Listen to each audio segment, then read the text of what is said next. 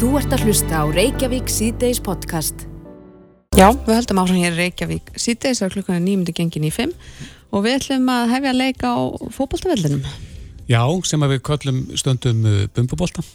Já, þá erum við að tala kannski um fólk svona um og yfir miðaldra Mhm. sem að hittist einu sundi tvisar viku og spila Já. fótbolta. Einmitt. En við heyrum svona oft í kringum okkur uh, af tíðum slísum. Já, það er spurning hvort það sé hægt að koma í veg fyrir þau og hvort það sé raunin að fólk sé að slasa sig mikið í bömbubólta. Mhm. Á línunni er Kári Árnason, sjúkraþjálfari hjá Sjúkraþjálfun Íslands og doktorsnemi við Háskóla Íslands. Góðan að blessaðan daginn, Kári. Jú, góðan daginn. Er þetta raunin? Er, er, er mikið um slis í þessum bumbubolta svo kallaða?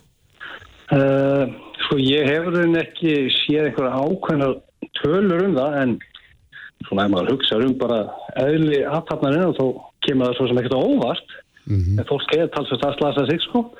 Það var alltaf gætna sagt þegar hérna, einhver svona öldungamót í, í hérna, badminton voru haldin í TBR, þá var alltaf einn eða tvei sjúkrabílar á standbæ tilbúinir að, að kippa fólki með og þá var það sérstaklega eins og fólk var að slíta hásin eða eitthvað svona sko. Mm. Er maður þá, heldur maður að maður, að maður geti meira en maður í raun getur? Já, ég hugsa að það sé oft, oft máli sko að, að hugurinn er komin nokkrum skrefum á, á undan líkamlega getu, menn kannski lifa á hverju fórnum fræk, gáttu gert X og X þegar þið voru upp á sitt svona, kannski upp á svona í betra standi sko Já. Mm. en En þetta er í raunin oft spurningum bara hvað hefur efni á að gera sko Já, en fólk er kannski illa læst á það. Já, það, það er, ég held að það sé í rauninni eh, stór partur af vandamálinu. Við vitum, við í fótbolta þá er, er meðslum gerna skipt í liðbandameðsli og síðan í rauninni vöðvameðsli og vöðvameðsli væri eins og tóknarnir aftan í læri og nára tóknarnir meðan liðbandameðsli væri slitt á, á fremra krossbandu og svoleiðis Mm og við vitum í rauninu með liðbandameðslinn ekki almennilega af hverju fólk er að meðast en við erum aðeins betur stödd varðandi vöðvameðslinn sjálf sko. Já, en við hvaða hreyfingar er, er algengast að að þessi meðsl verði? Eh, ef við hugsaum um vöðvameðslinn þá væri það fyrst og fremst bara sprettur og svo hann menn tókna gerðan hann í, í, í náranum við það bara einfallega að sparka út af því að það kemur ansið mikið álag á, á náraðvöðuna, innanlegisvöðuna við það eitt að bara sparka í bolta sko. Og oft er það þannig í rauninu við vitum að, að því sterkari sem, sem einstaklingar eru í náraðvöðunum og aftanlegisvöðunum því minni líkur er á að, að tókna. Það hafa fullt af rannsóknir sínt en Mm þá komum við aftur að kannski stóra vandamálun að, að fólk fara að gera þessa æfingar og mannskjarnan er kannski bara eðli sinu löp.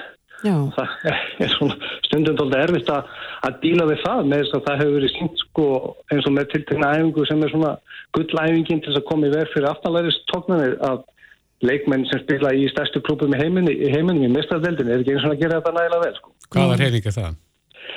Það er æfing sem heitir á ennsku heitir hún hérna, Nordic Drop.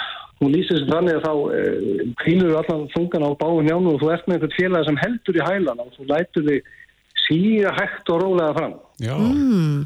Og þá erum við í raunin að líka eftir þeirri vinnu sem aftalæðisvöðun þarf að gera í, í spretthreyfingunni sem er að, að bremsa það að sköflungurinn bara fjúki, fjúki á okkur ef, ef svo má segja. Mm en, en að hita upp áður en maður hef, hefur það eitthvað að segja?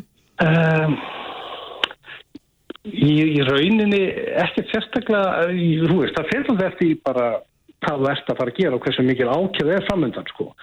Uh, ég til dæmis spilaði lengi bumbubólta með, með mínum vinnum úr, metaskóla og ég var alltaf svo eini sem mættur tíu myndum kortir undan að hita upp og þeir gerðu alltaf grína mér sko meðan þeir hlupuðu sjálfur bara beint inn í salin og, og bombuðu í boltan mér fannst þetta aldrei merkilegt í rauninni að, að það hafði engin rauninni komandi ískaldur inn í salin sko það hefur verið hefni. Já, ekki að segja það bara. En jú, það hjálpar alltaf svona bæði bara líka fyrir bara hausin að þess að hitta upp, og- upp og gera sér tilbúin fyrir, fyrir þau átök sem maður er að fara í sko. En, en sko eins og í bumbubolta þá er nú oft þannig að það skipti lið eða einhver eitt þarf að býða og skiptina og svo leiðis. Uh -huh, uh -huh. Um, Byðtíminn getur kannski verið 2-3 mínútur og þá kólna maður og að maður sest niður og eitthvað svo leiðis. já. Hefur það áhrif? það getur haft áhrif líka ef þú ímyndir að þú setur kannski á bekknum upp í stúku og eftir bara ekki gera neitt og þarst hérna að hoppa inn og fara strax í einhvern hámarksbrett eða, eða tegja í boltan að taka einhverja kröftu eða stefnurreyfingu eitthvað sem varst ekki alveg tilbúin í í rauninni sko. Mm -hmm. Eitt annað sko, ég var með einhverja kenningu hérna árum fórum í loftið að ég myndi ímynda mér sko að meðslip um bolta veri algengari hjá þeim sem hafa stundafóbolta heldur en hinum út af þeir sem hafa stundafóbolta eru með einhverjum mynd í höstum á sér einhverju fornir fræð Já, ég hugsa að það geta alveg verið rétt sko. Og þá kannski þeir sem hafa ekki í rauninni verið í fóbolta og ekki spila kannski meðstaflokki eða, eða á einhverju hái leveli kannski þekkja sín takmarkaðis betur en hinnir eru svona, einmitt hugurinn er ennþá sem upplifa sig ennþá kannski höstum 20-25 mm -hmm. þótt að skrokkurinn sé orðin 40-45 plúsirinn og svona skilabóðin ekki alveg jafn snögg frá Nei. heila og miður í, miður í þáðana sko. En er munur á kynjónum? Uh, nú bara veit ég ekki sko. ég veit, ef ég bara hugsa um það, ég veit ekki hversum kannski er bara algengar að kalla sig að spila bundbólta. Ég hef nú ekki heilt að mörgum vinkona hópum sem, sem spila bumbubólta sko. Nei, Lilja Katrin hérna, hún er í bumbubólta, eða ekki? Okay. Jú, það er bara konur. Já, en ég, ég, nei, ég hugsa að ég sjálfur sér, þá ætti, þú veist, ef ég hugsa upp á þá ætti ekki að vera eitthvað brálaði meðunir á, á kynjunum hvað þetta var það sko. Nei, en maður heyri stundum og í kringum mig hafa nokkrir slitið hásinn uh mhm. -huh. Og þetta er sko aldjeng viðbyrðu eru að, að maður heldur að, að einhver hafi sparkað aftan í sköplungin. Já, já. Er, hérna, er það aldjengt og er þetta komið veg fyrir eða minka líkunar því að það gerist? Það er afskaplega erfitt að, að held ég að koma í algjörlega í veg fyrir það sko. Hásinnarslitin eru kannski eins og krossbandarslitin, sko, við vitum ekki, við vitum hvernig fólk meiðist en við vitum ekki nákvæmlega af hverju fólk er að meðast, sko. En það er líka sérstaklega kannski bara eftir því sem við verðum eldur þá verða sínarnar í okkur bara fara að liðlega. Mm -hmm. Og það þarf minna til til þess að í rauninni að það gefur sig, sko. Og engar æfingar hægt að gera til þess að Það hjálpar alltaf í rauninu bara einfalda kálvaliftur og hopp og sipp og svoleiðis hjálpar alltaf kálvaðum sem er náttúrulega bara á hásinni neyrunni bara framlenging af kálvaðum festing hans við, við hælbeinið sko. Mm -hmm. Þannig að það myndi alltaf í rauninu saman eins og að vera sterkur í, í náraðaðunum og aftalæðis og maður vil meina að það, þú veist, það gerir alltaf engan skada. Nei. Það myndi, ef maður hugsaður að þannig, í vestafalli þá gerir það lítið en í bestafalli þá kemur það í, uh, minkar það líkuna af því að, að meðast og maður getur tekið bara með að þátt í því sem það er að gera. En þannig að sko besta forverðnin er raunin að reyfa sér reglulega og þekkja sín takmörg. Já, og gera í raunin bara styrkjandi æfingar sem svona maður getur tengt við þá íþrótt sem maður er að fara að stunda í raunin.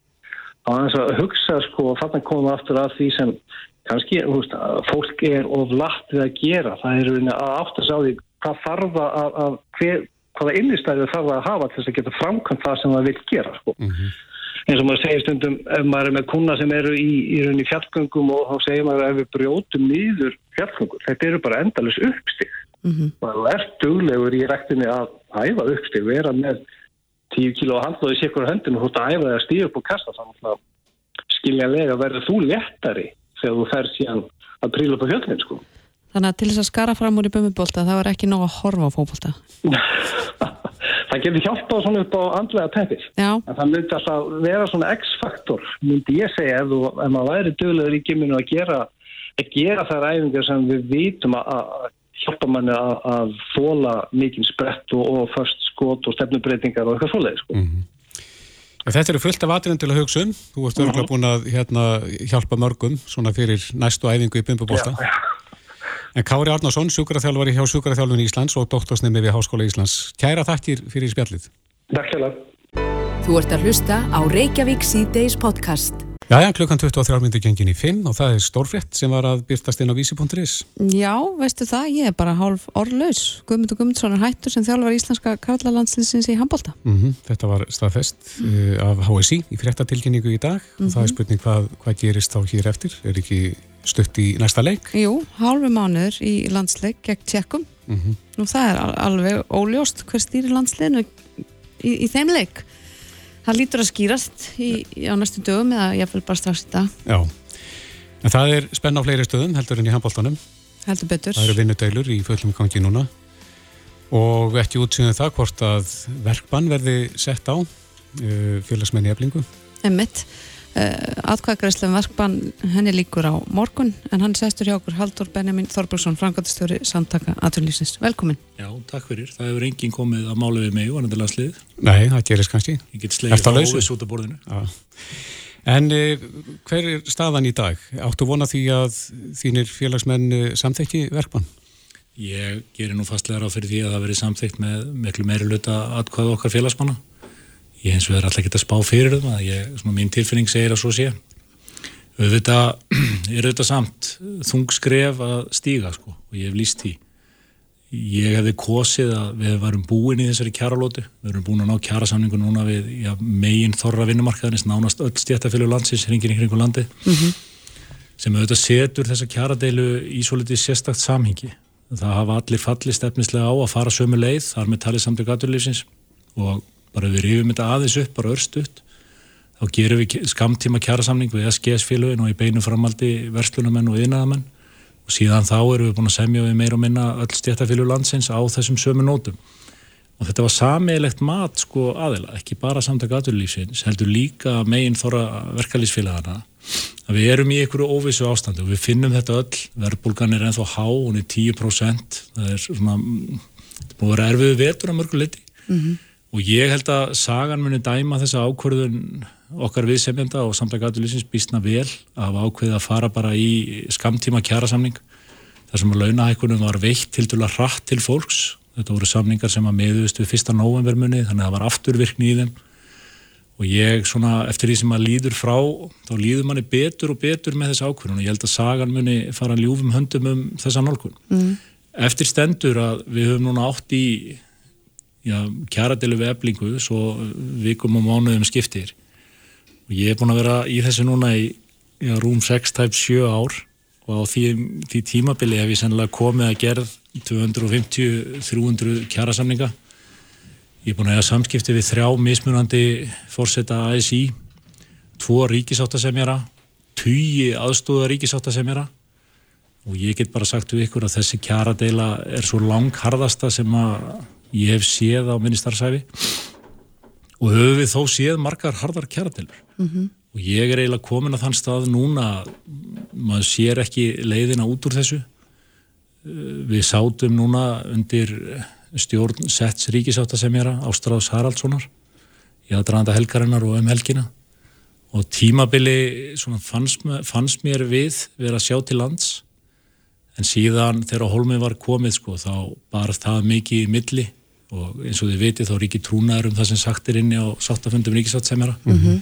þannig að ég hef kannski kosið kannski fyrst og fremst bara að vísa í hans eigins orð Ástráður Haraldsson sem að var í raun tillaga eblingar að ríkisáttasemjara svona bestu manna yfir sín stígur fram í lokin og segir á kjarnirtir íslensku hér er heimin og haf á milli deiluaðila. En hverju á þá verkmann að stíla? Það er að segja, hún er hörð þessi deila, ekki er þetta til þess að, að liðka til? En það held ég að þessi deila muni ekkert liðkast til, sko. Við erum aðeins að hafa í huga hvað gerist og í hvaða tímaröð. Ebling er núna búin að bóða og atkvæðagreislu eru lokið um það sem þau kalla þriðju bylgu verkfallsaðgerða. Fyrsta bylgjan beindist gegn Íslands hótelum og Foss hótelum, einu fyrirtæki í raun. Önnur bylgjan útvíkaði það til annara hótelkeðja, ólíudreifingar sem að flest okkar eru farin að, við erum farin að líta á sko bensínmælin á hverju meinasta mótni og sjá hverst að hann er. Mm -hmm og síðan til samskipa sem að hefur þá áhrif á aðfangakeðjuna bara viðsvegar í, lífin, líf, í hérna atvinnulífinu og, og okkar daglega lífi. Og síðan tekur náttúrulega steinin úr í næstu viku, við minnum að sé á þriðu daginn sem að næsta bylgja eða þriðja bylgja verkvælsaðgera hefst. Og ég er ekki vissum að allir séu búin að kveikja á perunni hvað gerist þá þá eru annarsvegar öll ræstingafyrirtækin eh, eða starfsfólk ræstingafyrirtækja að fara í verkvall Allir öryggisverðir líka og til viðbútar öll hótel á starfsvæði eblingar sem ekki er þegar búið að, að hérna, hefja verkfallsaðgerir á. Og það er í þessu ljósi sjáði sem að stjórn samtaka atvinnulífsins tekur þá einróma ákverðun, það er 21 aðli sem sittur í stjórn þessa mm -hmm. allar atvinnugreinar landsins sem tekur þessa mörguleiti fordamalösa ákverðun. En, en hvert er þá markmið með þessara ákverðun? Ég er að komast að því mm -hmm. að bóða verkbann á eblingu til þessir í raun að flýta úrlaust þessara vinnudeilu þar sem að í raun bara samfélagslegt tjón þeirra verkfalla sem eru komið til framkvæmda og munu koma til framkvæmda munu meira á minna, hægt en bítandi lama hérna meira á minna allt daglegt líf. Þannig í rauninni markmið er að þið settist aftur á samningabólinu? Já, ef þið lesið vinnulögjöfuna sem ég mæli nú ekki sérstaklega með að fólk sé að eða kvöldstundum sínum í þá er hún á stopni til frá árinu 1938 með breytingum frá því um meðan tíunda áratugin og auðvitað er hún orðin barnsins tíma eins og ebling hefur með já, framgöngu sinni sínt fram á. Og nú sé ég að hver stjórnmálamadurinn á fætur öðrum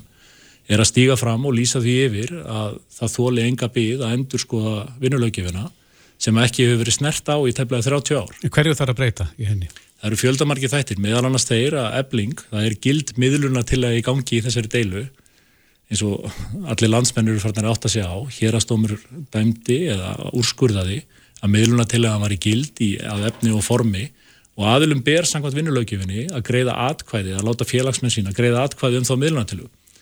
Ebling kallaði sér bara aftur í stólnum og segi nei, við ætlum ekki að láta greiða atkvæði um þetta. Og það eru engar, en, engin úrræði til þess að knýja áum að Ebling láti leifi líðræðinu að leika um félagið og allir félagsmenn fá að segja skoðun sín á meðlunartilinu og þú spyrir mig beinum hætti hverja á að breyta? Mm -hmm. Þetta er klárlega einn ángi sem þarf að taka upp á alþingi og ég er full að trúa því að það veri gert núna á vorþingi. En tekur þú undir með Jóni Steinari Gunnljófssoni sem að segja að það sé raun komin á samningu milli samtaka atnurlífsins og eflingar? Nú er ég svo heppin að geta spila því korti hérna út til ykkar að ég er ekki löglarður maður. Nei, en við höfum auðvitað fengið, fengið lögfræði, lögfræðing okkar til þess að meta þetta. Það er eins og að ríkisáta sem er að knýja á um þetta og við höfum átt mörg samtöl bæði við settan ríkisáttasemjara og eins ríkisáttasemjaran sem er aðalsteit Leifsson mm -hmm. og ég hef í raun hvart þá bæði ofinberlegu í einrúmi til þess að áfrýja þessum dómi landsréttar áfram til hæstaréttar mm -hmm. og ég til að það sé mjög æskili staða eins og Jón Steinur bendir á mm -hmm. Varðandi þessa atkvæðagreyslu sem nú stendur yfir og líkur á morgun um, um verkbann Hvernig er atkvæðavægi hjá félagum samtaka aðtunlýsins út að nú eru fyrirtækin mismöndi stór? Já, það er eðlilegt að þú spyrir og því fleiri launþegar sem þú ert með á launaskrá því mér að vægi hefur í atkvæðagreislunni og ég vona bara að skoða þetta á þann hvernig þáttakann væri. Og þáttakann er mjög góð bæði í vægi og fjölda. Þannig að ég vanti þess að geta í raun tilkynntum úrslit þessar atkvæðagreislu á 50 dags morgun og ég get ekki betur séð en að já, langt flestir eða mjög stór hluti á okkar félagsmörum sé að segja sína skoðan og þannig á það að vera en þess að félagskapur sem er hrættur við að spyrja umbjóðundur sínar um hvort að svo stefna sem verður að marka sé rétt eða raung er félagskapur sem er komin í mikinn vanda. Og ég hef sagt að líðræðið sé öflugasta tæki sem við eigum alveg sama hvaða vettvangi það er Og samtöku aðtunulísins er einfallega óhrætt öfugt við fórustu eflingar sem ég hef sagt að sé á harða hlaupum undan eigin félagsfólki og vilji alls ekki fá að framkalla í atkvæðagreyslu hug félagsfólk til þeirra miðlunatilu sem aðarsteyt Leifsson Ríkisatsemeri laði fram Og það er svona að segja ég, við munum bara vuna niðurstöðu okkar félagsmanna en að því þið spurðuðu upp að hvað heldur að gerist. Mm -hmm. Mín tilfinning er svo að þetta verði samþygt með já, miklu meiruluta. Mm -hmm. En það eru líka fyrirtækjað nútið sem er ekki með innan ykkar viðbanda sem eru með eflingafólk í vinnu. Munir því leggja til að það verði eitthvað svona viðskiptabann sett á þá aðila sem að verða með eflingafólk í vinnu? Já, góð spurning. Ég lít fyrst og fremst á að þetta sé algjör nöðvörn og varnar aðgerða hálfu samtaka aðunlífsins sem að hefur þann tilgang og eðli að reyna að takmarka tjón til dæmis þeirra fyrirtækja sem verða óstarfhæf vegna hérna, verkvælsaðgerða eflingar. Ég sé að það er að keira hérna sem dæmi vörubíl hérna fram hjá okkur mm -hmm. og við vitum það að eldsneiti er að skortnum skamti í landinu og við getum séð fyrir okkur fyrirtæki sem er með fjölda vörubíla í rekstri muni standa frammi fyrir því að það fáist ekki dísel á bílana og þá finnst mér eðlilegt að það sé þetta beita slíkt fyrirtæki verkbanni, ellegar myndi fyrirtæki standa eða sitja uppi með afsakið. Alla sína starfsemi en get ekki verið að nýta það, þau tæki, atvinnutæki sem að ella væru í nótkunn. Mm. Og það er beina afleðing sjáu því af verkvalli eflingar. Sko. Mm. En, en þetta með viðstifta bannið á þau fyrirtæki sem eru með eflingafólki vinni? Ég sé það ekki fyrir mér. Ég sé það ekki. Þannig að þið ætlaði ekki að beita ykkur gegn öðrum fyrirtækjum? Það sé ég ekki fyrir mér, nei. En er atkvæðgreislanir meðal allra fyrirtæki innan þessa? Já, við kursum að fara þá leið að láta alla okkar félagsmenn greiða atkvæði um þessa tillögu og fyrir því er ekki bara einhver hipsum haps rauksend, heldur rauksend sem er, á, er eftirfarandi að verkvalli eblingar mun fyrir en síðar býta í skotti og öllum landsmönnum og öllum fyrirtækjum landsins, mismikið þó en með einum öðrum hætti mun það eiga sér stað. Því miður á ég ekki kristalskúli hér til þess að horfa í með ykkur og ég veit ekki hversu lengi þessi vinnudela mun standa en ég óttast þið vesta en leiður mig samt að vona þið besta En ég trúi að með þessari aðgerri samtaka aðtunulífsins getur við reynda að, eh, eru við ekki bara undir duttlungum fóristu eflingar komið, heldur getur við reynda að hafa beina áhrif á það hvernig vinnustöðanir í að lama samfélagið og við getum átt eitthvað viðbráð við, við þeim ef að eh, tiltegnar aðstæður koma upp. En, segjum að verkbarniði verði samþygt. Já. Hvernig mun þá samfélagið fungera hér? Ég er um svo sem ekki komin á það stað hér til þess að útskýra með nákvæmlega hvernig við munum beita því Fyrsta skrefið er það sem við höfum stíið núna sem að er að hefja atkvaðagreislu um þessa heimil til beitingu verkbans og í beinu framaldi munum við leggja fram útfærslu sem við munum beita í þessu samíki. Ég hins vegar áreita það að vinnulögjufinn, það er algjör samkverfa í henni. Það er fjallað um það í sama kapla, annars vegar verkbönn og hins vegar verkföll.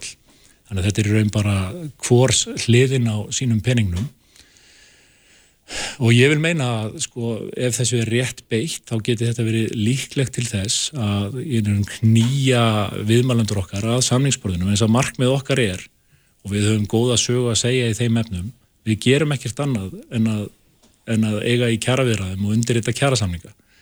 Og í hverju lótu við að gera 130-150 kjarasamninga.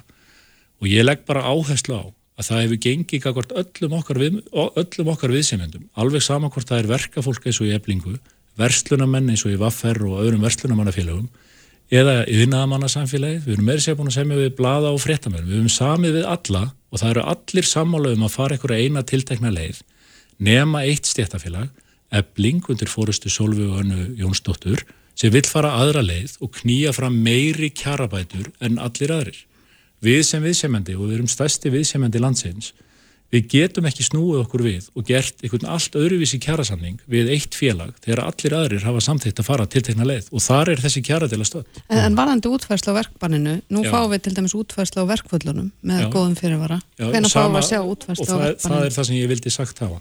Sömu reglur að formi og efni gilda um verkbann og verkföll Og það er þannig til þess að verkfall er bóðað, þá fáum við afhengt skjál sem segir hér er bóðun verkfalls og síðan þurfum að líða sjö sólaringar frá því að verkfalli getur skollið á. Og við höfum látið það hafa eftir okkur og stöndum við það að ef að ebling frestar sínum verkfallsaðgerðum eða aflýsir, þá munum við gera það sama varðandi verkfallsaðgerðir sem að nú er í undirbúningi. Mm -hmm. En að ég bara ítrekka, ég lít svo á að við séum að bregðast við þriðju bylgju verkfalla sem að eflingar að láta skella á samfélagið. Ég kýsa að líta svo á að við séum að byrja höfuð fyrir hönd okkar, við séum að gefa fyrirtækjarum okkar leið til þess að verjast þessari, þessu, þessari aggressjón sem sem að eflingar að standa fyrir og kýsa að líta á þetta og kynna málið í því samingi. Nú hefur Solveig Anna sagt að uh, hún ætlar ekki að grípa það stafsfólk sem að lendir í verkbanni, uh, þar að segja sína félagsmenn. Já. Hvað finnst þér um það? Já, það er fyrst og fremst innan félagsmála eblingar en ef ég væri félagsmaður í eblingu sem ég tek skýrt fram að ég er ekki þá er því ég mjög hugsið yfir því að greiða mánaðalegt gjald til stjættafélags sem ætlaði síðan að skilja mig eftir á köldum klaka í hardri vinnudelu. Ef ég væri félagsmaður í eblingu myndi ég spyrja mig spurningarinnar hvers, hvers megnugt er þetta félag og hvers vegna kemur það ekki mér til varnar. Mér þykir ekki ólíklegt að félagsmenn eblingar muni krefja fóristu eblingar um sör við þessum spurningum sem eru sannanlega eðlilegar og ég vænti þess að á næstu dögum muni þættir eins og þessir uh, taka viðtölu við verkalýsfóringja bæði sem eru á, á vettvangi í dag og eins kannski þá sem hafa starfaði í þessari baráttu í gegnum áratugina og þeir muni allir staðfesta að þetta sé tólkun vinnulögjafanuna sem að þeim hugnist ekki. Ekkur hefur haldið fram að þess, þetta útspil ykkar sé gert til þess að tæma verkvældsjóð eflingar rætt? Já, ég hef aldrei sagt það og aldrei látið hafa það eftir mér. Ég hef eins og það er bara ítrekkað. Þetta er varnar viðbrað okkar við mjög hörðum verkvöldum sem munur lama allt samfélag, þetta mun hafa áhrif á okkur öll sem erum hérna inni með einum öðrum hætti. Og ég er svo sem get ekki sagt nákvæmlega á hvaða degið það verður en ég hef vísað til þess að öðru hverju megin við næstu helgi verði komið upp ófremdar ástand á mjög mörgum stöðum. Eitt dæmi um þetta fyrir utan hefur augljósa sem varðar ólíuna og þeirra bensíntangarnir og díseltangarnir hjá okkur fara að tæmast það veldur mjög mikli, mjög mikli en síðan eru við svo dæmis í tekið með hótelin sem að munu í raun ekki geta hýst ferðalanga sem hingað er að koma til lands og ég hef heyrt forsvarsmeður ferðarþjónstuna að nefna að þeir gerir alltaf þessi ráð fyrir því að opna þurfi fjöldahjálpa miðstöðar til þess að skjóta skjólsúsi yfir þessa gest okkar sem eru auðvitað ekkit annað en bara fólk eins og ég og þið sko. Mm -hmm. Fólk sem á fjölskyldur er búið að leggja til hlýðar til þess að fara til útlanda í frí og lendir síðan í þessari aðstöðu. Mér sem Íslandiki, mér blöskar þetta, svona tökum við ekki á móti erlendum gestum og ég óttast að þetta geti haft langtíma afleðingar fyrir orðspór þjóðarinnar. Já, ég væri mjög svo til í þú ættir þessa kristalskúlu út af því að ég held að mjög fáir sem er að hlusta að sjá einhverja leið út úr þessari vinnindeilu. Já, en eitt veit ég þó, sko, á endanum þá finnst alltaf leið, en það er spurning hvaða aðgerða þarf að grýpa til þess að knýja á um að svo leið sé farin. Ég vil meina það að við höfum sami við nánast alla launþega á almenna vinnumarkaðnum.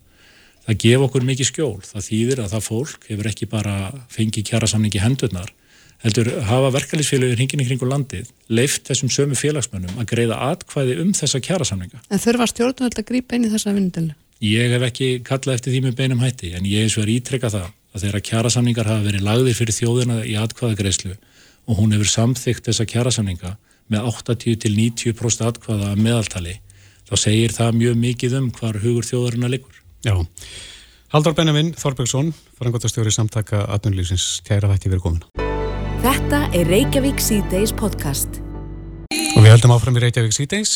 Þau eru ekki mörg mannskvörfin sem hafa vakið eins mikla aðtegli eins og hvarf Madeleine McCann sem að hvarf 3. mæ 2007 frá Praia de Luz í, í Portugal, sögumaliði stannum. Einmitt, hún var bara 30 ára gömul Já. Og var svoandinn í Herbyggji og meðan fóreldra hennar sátu á, á veitingastað stuttum frá húsnæðinu. Mm -hmm. Og það er maður í haldi Þísku lauruglan sem er grunar um að hafa orðið henn að banna á þeim tíma og Þíska lauruglan trúi því að, að það hefði gerst en nú sprettu fram eh, pólsk kona, 21 á skumul sem heldur fram að hún sé eða geti verið þessi stúlka. Emmitt og byrtir ímsar sannanir á Instagram en það er spurning hvort að þetta munir skila eitthvað í rannsóknu þessu ræðilega máli. Við erum með einn á línni Tinnubjörg Kristinsdóttur, hún er stjórnandi hlarpstáttana þarf alltaf að vera grín og mystery. Og má ég segja svona ákveðin sérfræðingur í málefnum Madeleine McCann tina? Já, ég rána að segja það. Og fleiri, svona, hvað segir maður svona armchair detective. Mm, Þannig að þú sittur heim í sofa og ert að velta hlutum fyrir þér og spá spekulera. Umveit, það er rannsaka mál. Nei, hann er bara svona, þetta er já, það hefur hjálpað að vera í podcastum og svo leiðis þess að maður getur komið þessum upplýsingum í einhvers konar farveg. Mm. En við kíktum aðeins á, á þennan Instagram reikning á þessari ungu konu og, og hún er svona svolítið örvatninga full og vil fá úr þessu skóri. Já, já. Hún sagt, heldur fram að ammennar hafi sagt henni einhverju upplýsingar sem gáðu henni vísbendingur um að hún geti verið Madeleine McCann. Hún sagði svona ekki að hafa heilt um hana fyrir þetta. Mm en fyrir kjálfarið eitthvað forutnast, hún segist vera með eitthvað skonar um, post-traumatic amnesia eða svona eins og hún hafi ekki áfalla streytu en svona áfalla minnisleysi mm -hmm. Og muni ekki mikið frá barnesku sinni eða bara ekki neitt og muni ekkit og hún segir að sé enga myndir til af sér fyrir fjórar aldur og enga myndir af mömmunar þegar hún er ólegt af henni og, og að kennara og leikskóla kennara af haldi fram og hún hafi ekki verið í leikskóla uh, fyrir en eftir fjör ára. Já, en hún er að fara fram á um, það að fá að fara í uh, DNA-próf til þess að reyna að sanna tilvist sína eða hvað? Já, eða allavega hún vil fara í DNA-próf líka til að, og fóreldra matilegn, þess að gefi sitt DNA til að sjá hvort það sé þarna, uh, já, mats eða svo leiðis, hvort það passi saman. Mm. Hún er með hann að blett í auganu, svipaðan og matilegn var með uh, eða já sem að og svo er hún svona að tala um ímislegt annað bera saman myndir að sér og henni og sér og fóröldrum hennar Og þið ekki vera líkindi þar á, á, á milli?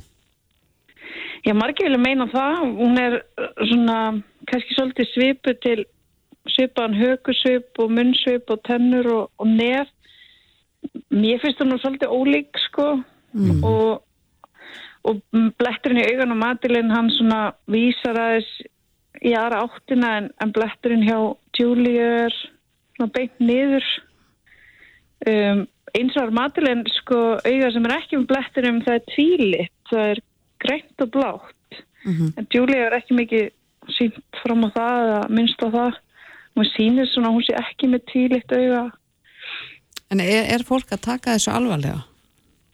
Já, þetta er alltaf gríðilega mikið fjalla um þetta og ég meina já, bara í öllum fréttum og, og bara ég, ég er að sjá mjög mikið um þetta hvort það byrtist hjá mér mikið um þetta því ég hef verið að kynna mér þetta en, en já, þetta er bara í heims pressunni eins og sagt er mm -hmm. En hefur um, þetta náð eirum uh, foreldra Matali Makkan? Já, þau hafa fallist á að gefa DNA síni eða, eða já, fara í DNA próf til að sjá hvort hún sé dóttur þeirra en svo hefur hún Julia gef, eh, setti inn mynda mömmu sinni eða sem sagt þá þeirri sem hún olst upp með og, og þær eru rosalega líkar hún og mammanar sko okay. þannig að fólk er svona svolítið uh, evins eftir þess að mynda mömmunar að hún sé, auðvist fólk held ég bara fram að hún sé bara dóttir fóröldra sinna sko. En, en er eitthvað að vita hvena við meðum búast í niðurstu úr þessu, þessum DNA-prófum? Nei, ég veit ekki. Það er náttúrulega oft svolítið lang, lengi að prófa uh, svona út frá einhverjum glæpavettangi en ég veit ekki hvernig það er með svona. Ég, mér er svolítið sérstaklega að það sé ekki bara í svona gena gagnagrunni fóröldra matalum að kann. Emmitt maður myndi halda að það hefðu fleiri gegnum tíðina sko uh, já, já þess að tali sér vera matilinn með kann Já, já, það kom einn eitthvað tíman fyrir árið að tveimur eitthvað, hún var líka með svona blett í auganu og hún fór að tala um þetta líka samfélagsmjölum og hún getur verið matilinn mm -hmm. En, en hvað er talið að sé líklegast að hafi gert? Þískal örglan er með manni í haldi sem að þeir telja næru örugt að hafi banaðinni? Já, þeir verðast vera með einhverja vísbendingar um það sem við vitum ekki og hafa líka gefið út að þeir tali hún sé látin. Kostur að hafa eitthvað fyrir sér í því einhverjar vísbendingar. Maður veit að ekki það hafa ekki verið gefið út. Um, það er alveg ímsögur að haldi fram að, að hún hafi verið nefn að broti á af þessum hann að Kristján Bruckner eða að fóraldrarnar hafa átt hlutamáli því var haldið fram líka en það hefur nú verið svona tekið fyrir það Mm -hmm. um, þannig já, þetta er opuslega undarlegt mál í alla stæði. En maður getur og... ímynda sér sko eins og þegar þessi Júlia stígur fram og fer fram á þetta DNA-próf manni finnst eins og þessi stanslust verða að ífa upp sár foreldra matalum kann og aðstandenda þeirra. Einmitt, það er alltaf mondið að vera að gefa ykkur á falska vonir en samt skilmar að þau vilja gangu skugga um að þetta sé ekki hún eða þetta sé, já, hvort sem þetta er hún eða ekki en en ég get ekki sagt að mér finnist það mjög líkar en þetta vonum maður að hún sé á lífi eitthvað starf Já, en líkuna kannski ekki talda miklar. Aldursmunir á þessari Júliu sem að nú stígu fram og Já, og uh, ég held að Matilin eigi að vera 19 ára sko. Kannski að verða 20 ára mm -hmm. í mhm. mæ en Júlia 21 þannig að það er svona kannski ekki eitthvað sem er fyrst, uh, það gæti alveg að vera logja djúli um aldrennar, maður veit það ekki mm -hmm. en, en já, ég þess að ég segja, ég ef mér stætti að líkari eða, eða þessi blettri augunum og þessu svona kennimörki líkari þá þá hefði, ég, hefði ég meiri vonum að það verið mandilegn en, en það verið áhagast að sjá Já, hvað kemur út af þessu? Það hefur alltaf að gersta já, það hefur alltaf að gersta að, að hérna að svona stúlkur sem hafa horfið hafa fundist alveg mörgum árum setna Já, þannig það, það er einhver vonar glæta. og... Já, einmitt. Já, allavega meðan það er ekki búið að skera úr um hvað gerðist eða eins líkt þá er alltaf hægt að halda í vonuna Einmitt að, já Tina Björk Kristinsdóttir, stjórnandi hlaðarpstáttana þarf alltaf að vera grín og mysteríu Takk kærlega fyrir að spjalla við okkur um þetta ræðilega mál. Takk fyrir, bless bless Þetta er Reykjavík C-Days podcast. Okkur stilst að salt sé ekki endilega sam og salt. Nei, svo vilist ekki vera. Uh, Egil Lótt Einarsson, efnaverkvæðingur, er sesturutni hjá okkur. Velkomin. Já, takk fyrir það. Uh, og komst hér með lífsalt sem þú hefur verið að þróa, en er þetta, er þetta rétt hjá Kristófer? Er salt ekki það sama og salt? Nei, það er nefnilega svolítið minnskilningur að, að allt salt sé eins. Salt er í raun og veru svona samheiti fyrir alls konar steinefni uh, og eitt af þeim er natriumklórið sem er uppistæðan í okkar matasalti. Þannig að það hefur í raun og orðið salt hefur yfirfært á, á natriumklórið. Hins vegar er uh, í bandaríkjónum er gerður greinamennur á salti og það sem þeir kalla sódjum þar sé að enska heitið yfir natrium. Mm -hmm. Þeir tala alltaf um sódjum þar og við ættum kannski að fara að venja okkur á það að tala um natrium en ekki, ekki salt í matnum vegna þess að natrium er það efni sem er skadalegt hilsunni. Mm, við erum kannski ekkert mikið að velta fyrir okkur hvað er í salti? Nei, það er náttúrulega eh, kannski ekkert almenn mikil svona efnafræði þekking, við getum sagt svo en ef ég fer nú aðeins út í smá efnafræði mm -hmm. þá er natrium sem sagt það er eitt frum efni svo er annað sem heitir kaljum flesti kannast nú við magnésium, menn ekki þessi heiti mm -hmm.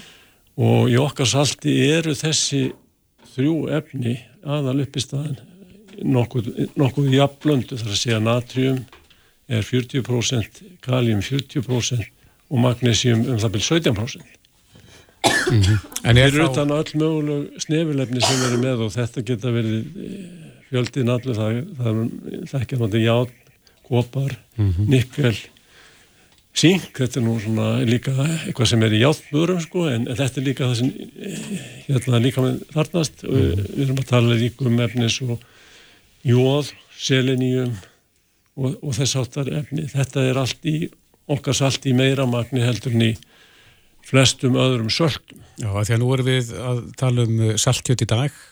Já. Það að hættulega í því salti er þetta sem það telur upp þarna. Já, það er náttúrulega uppistöðunni allt, yðna, allt salt sem er notað í yðnaði, það er natrium.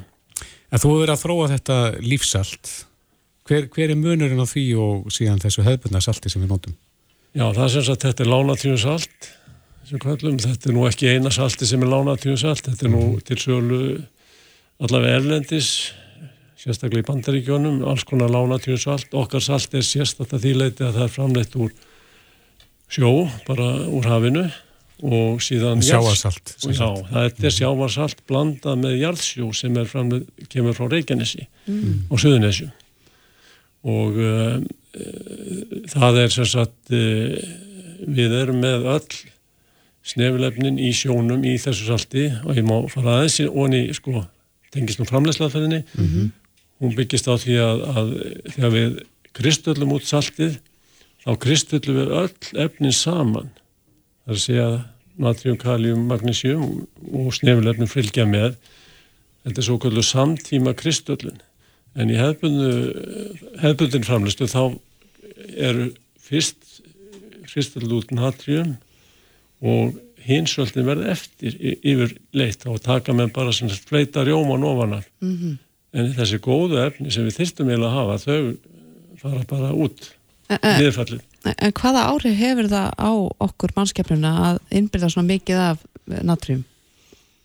Já, það er náttúrulega er mikið sem eftir að segja um það en, en hérna ég var nú, hef nú verið að skrifa greinar um þetta og fleira að, að natrium er einn aðalorsök háþrýstings Mm -hmm. Það líka fyrir fjöldi vísnagreinum það og uh, háþristingur er síðan lorsok uh, hjart- og eðasjúkdóma, nýðlasjúkdóma og það er alltjóða helbriðstofnun, hún er gefið út yfirlýsingar um það að, að hérna það þurfa að minka saltnótkun eða minka neist á natrium um 30% fyrir 2025 Já, það hafa öll aðeldaríki alltaf helbriðstofnuna samþýtt það en samt vilist nú ekkert vera mikið að gerast í því.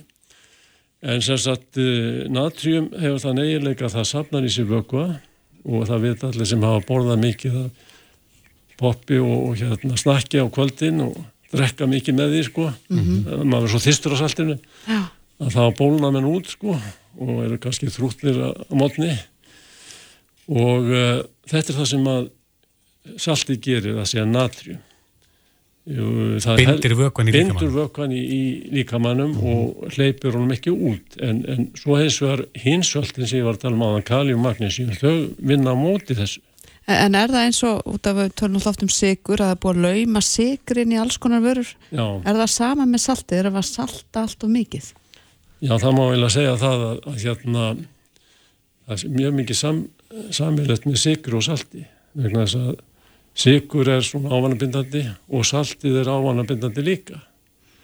Salt er reyndar nöðsynlegt í mörgum vörum eins og til dæmis eh, söltum afurðum, bæði þorramat og, og saltgjöti og einsu. Þetta, þetta hefur áhrif á eigileika vörunar eins og saltakjöt þarf á saltahalda og saltfiskur og allt þetta og líka gemslu þól. En við bara ónóttum þetta og salt er bara í öll. Við segja sko í saltgjöti íþóttadrykkjum er salt. Mm -hmm. í Mér dætti huga að taka hérna svona yfirlitið við það hvað við borðum á einu degi, svona bara einhver, einhver svona eitthvað dæmi. Við fáum okkur hérna morgumat þegar á blöðsniðar. Þá erum við að fá hérna í cirka 2,3 gröma salti, síðan fáum við okkur eitthvað í kaffetímanum eða í hátteginu sem að við fáum okkur bakkelsi, bara til dælu lítið, þá erum við einberða 1,1 gröma salti Mm -hmm. Í kvöldmatnum þá fáum við starsta skantin, borðum til dæmis uh, tilbúin mat úr uh, hérna búðinni, þá erum við að fá allt upp í fjögur gram af salti og síðan listast maður kannski til að fá sér eitthvað í kvöldin, snakk eða saltnildur eitthvað, þá erum við að fá einhver tætt gram í viðbót. Þetta gerir 8,3 gram á dag. Það sem að viðmiður landlæknis fyrir okkur er 6 grum, hámark 6 grum á dag. Alþjóðu heilbíðstofni segir 5 grum. Mm -hmm. Það segja að það er alveg sama við, hvers við neytum ánast af svona tilbúnum vörum. Það, það er innihald allar salt í einhver magni. Mm -hmm. Og það er náttúrulega það sem er merkefnið að reyna að minka þetta. Mm -hmm. En er mikill munur á bragðinu þar að segja á lífsaltinu þínu og þessu vennulega salti sem eru vöðan? Nei, það er náttúrulega... Er það minna salt, salta þitt? það er örlítið minna salt vegna þess að það er örlítið bundið vatn í okkar salti mm. það sé að 10% af saltinu er vatn sem er bundið inn í kristallan en e, það er eitt af þeim engjörnum sem, ok sem engjörnur okkar salt umfram önnur lánatrjónsvöld þar að þetta smakkast nákvæmlega eins og hefðbundi matasalt mm -hmm. þannig að þú finnur engan mun á þessu og öðru salti eða segja vennilu matasalti mm -hmm. Og þess vegna erum við náttúrulega benda fyrirtækjum og einstaklingum á að þeir geti skipt þessu bara algjörl út fyrir þetta vantarsart sem þeir borðið yfir leitt mm -hmm. og uh, það er kannski svolítið flóknara fyrir yðna en hann þarf þá kannski að bæta hans við. En aðru leiti hefur þetta sömu eiginleika þetta hefur sömu rótvarnar eiginleika sömu bræðgæði og gerir raun og allt það sem ennlust allt á að gera Mér langs að spyrja þig, akkur þú ferði þessa vegferð að fræða okkur um salt og, og, og þróa lífsalt? Já, það er náttúrulega, ég bara hef langan feril í þessu salti, ég byrjaði nú að vinna í salti í fyrirtæki sem heit Sjóöfnavinslan sem margir um bara búin að gleyma öruglega, var á Reykjanesi mm -hmm. og uh, það var uh, árunum 1985 til 1988 sem það var í gangi Svo kom annað fyrirtæki sem heitir Íslenska Saltfélagi, það, það byrjaði að framleiða svona heilsusalt og það var fjármagnar, já, var ég erlendra aðila, erlendra eh, fjársettingarsjóða og fyrirtækja. Það bara lifið nú ekki lengi því miður, en svo hef ég verið tengdur svona saltfyrirtæki þarna nokkurum síðan og síðasta saltfyrirtæki var árum 2000 til 2002, mm -hmm. en það hætti líka. En sem sagt ég stopnaði, við vorum tveir sem stopnaði þarna þetta fyrirtæki Arctic Sea Minerals og við hérna höfum verið að vinna í þessu núna í tíu ár að, að koma þessar framleysli gang. Að lífið þitt er salt? Já, það má segja, það myndi kona mín segja allavega, nýst allt um salt á mínu heimili. Er líka eitthvað smá sætt með? Jú, jú, ég er náttúrulega engin sko dýrlingur í þessu sambandi, ég borði öruglega ekki minna salt en aðri. Þannig að þú ert ekki að koma í matabóti fólk, matabóti fólks og, og, og gaggrina saltneyslu og... Nei, nei, nei, nei, en ég er náttúrulega bendið bara á nota rétt salt, það er náttúrulega rétt. Já, en hvar fæst saltið ykkar? Já, það er nú kannski málið, ég ætti kannski að koma aðeins inn að það að við höfum verið svona á svolítið krossgötu núna vegna þess að við eh, höfum ekki verið með framleysli gangi. Núni eitt árum selja byrðum sem við framleitum árið 2021 mm -hmm. við erum að fjármagna fyrirtæki núna og vorum að fjármagna á Karolina Fund. Um, náða fjármagna fyrir 6 miljónur króna. Og erum að leita frekar í fjármagnun og ætlum okkur að byrja aftur framleyslu og vonandi verður það bara núna með vorunni sem að kemur nýtt lífsalt á markaðin mm -hmm. en því miður þá vil ég tilkynna það bara það er allt uppselt í búðunum. Og uh, þeir sem hafa eru búin að ánýttjast þessu sem eru vonandi margir þeir verða bara bíðarólir í nokkra mánuði. Já, fínt að koma fram á sprengidegi til að kynna þetta. Já. Já, Já kæra þakkir fyrir komuna Egil Þótt Einarsson, efnaverkvæðingur Já, takk fyrir skiljaði Reykjavík síðdeis á Bilginni podcast.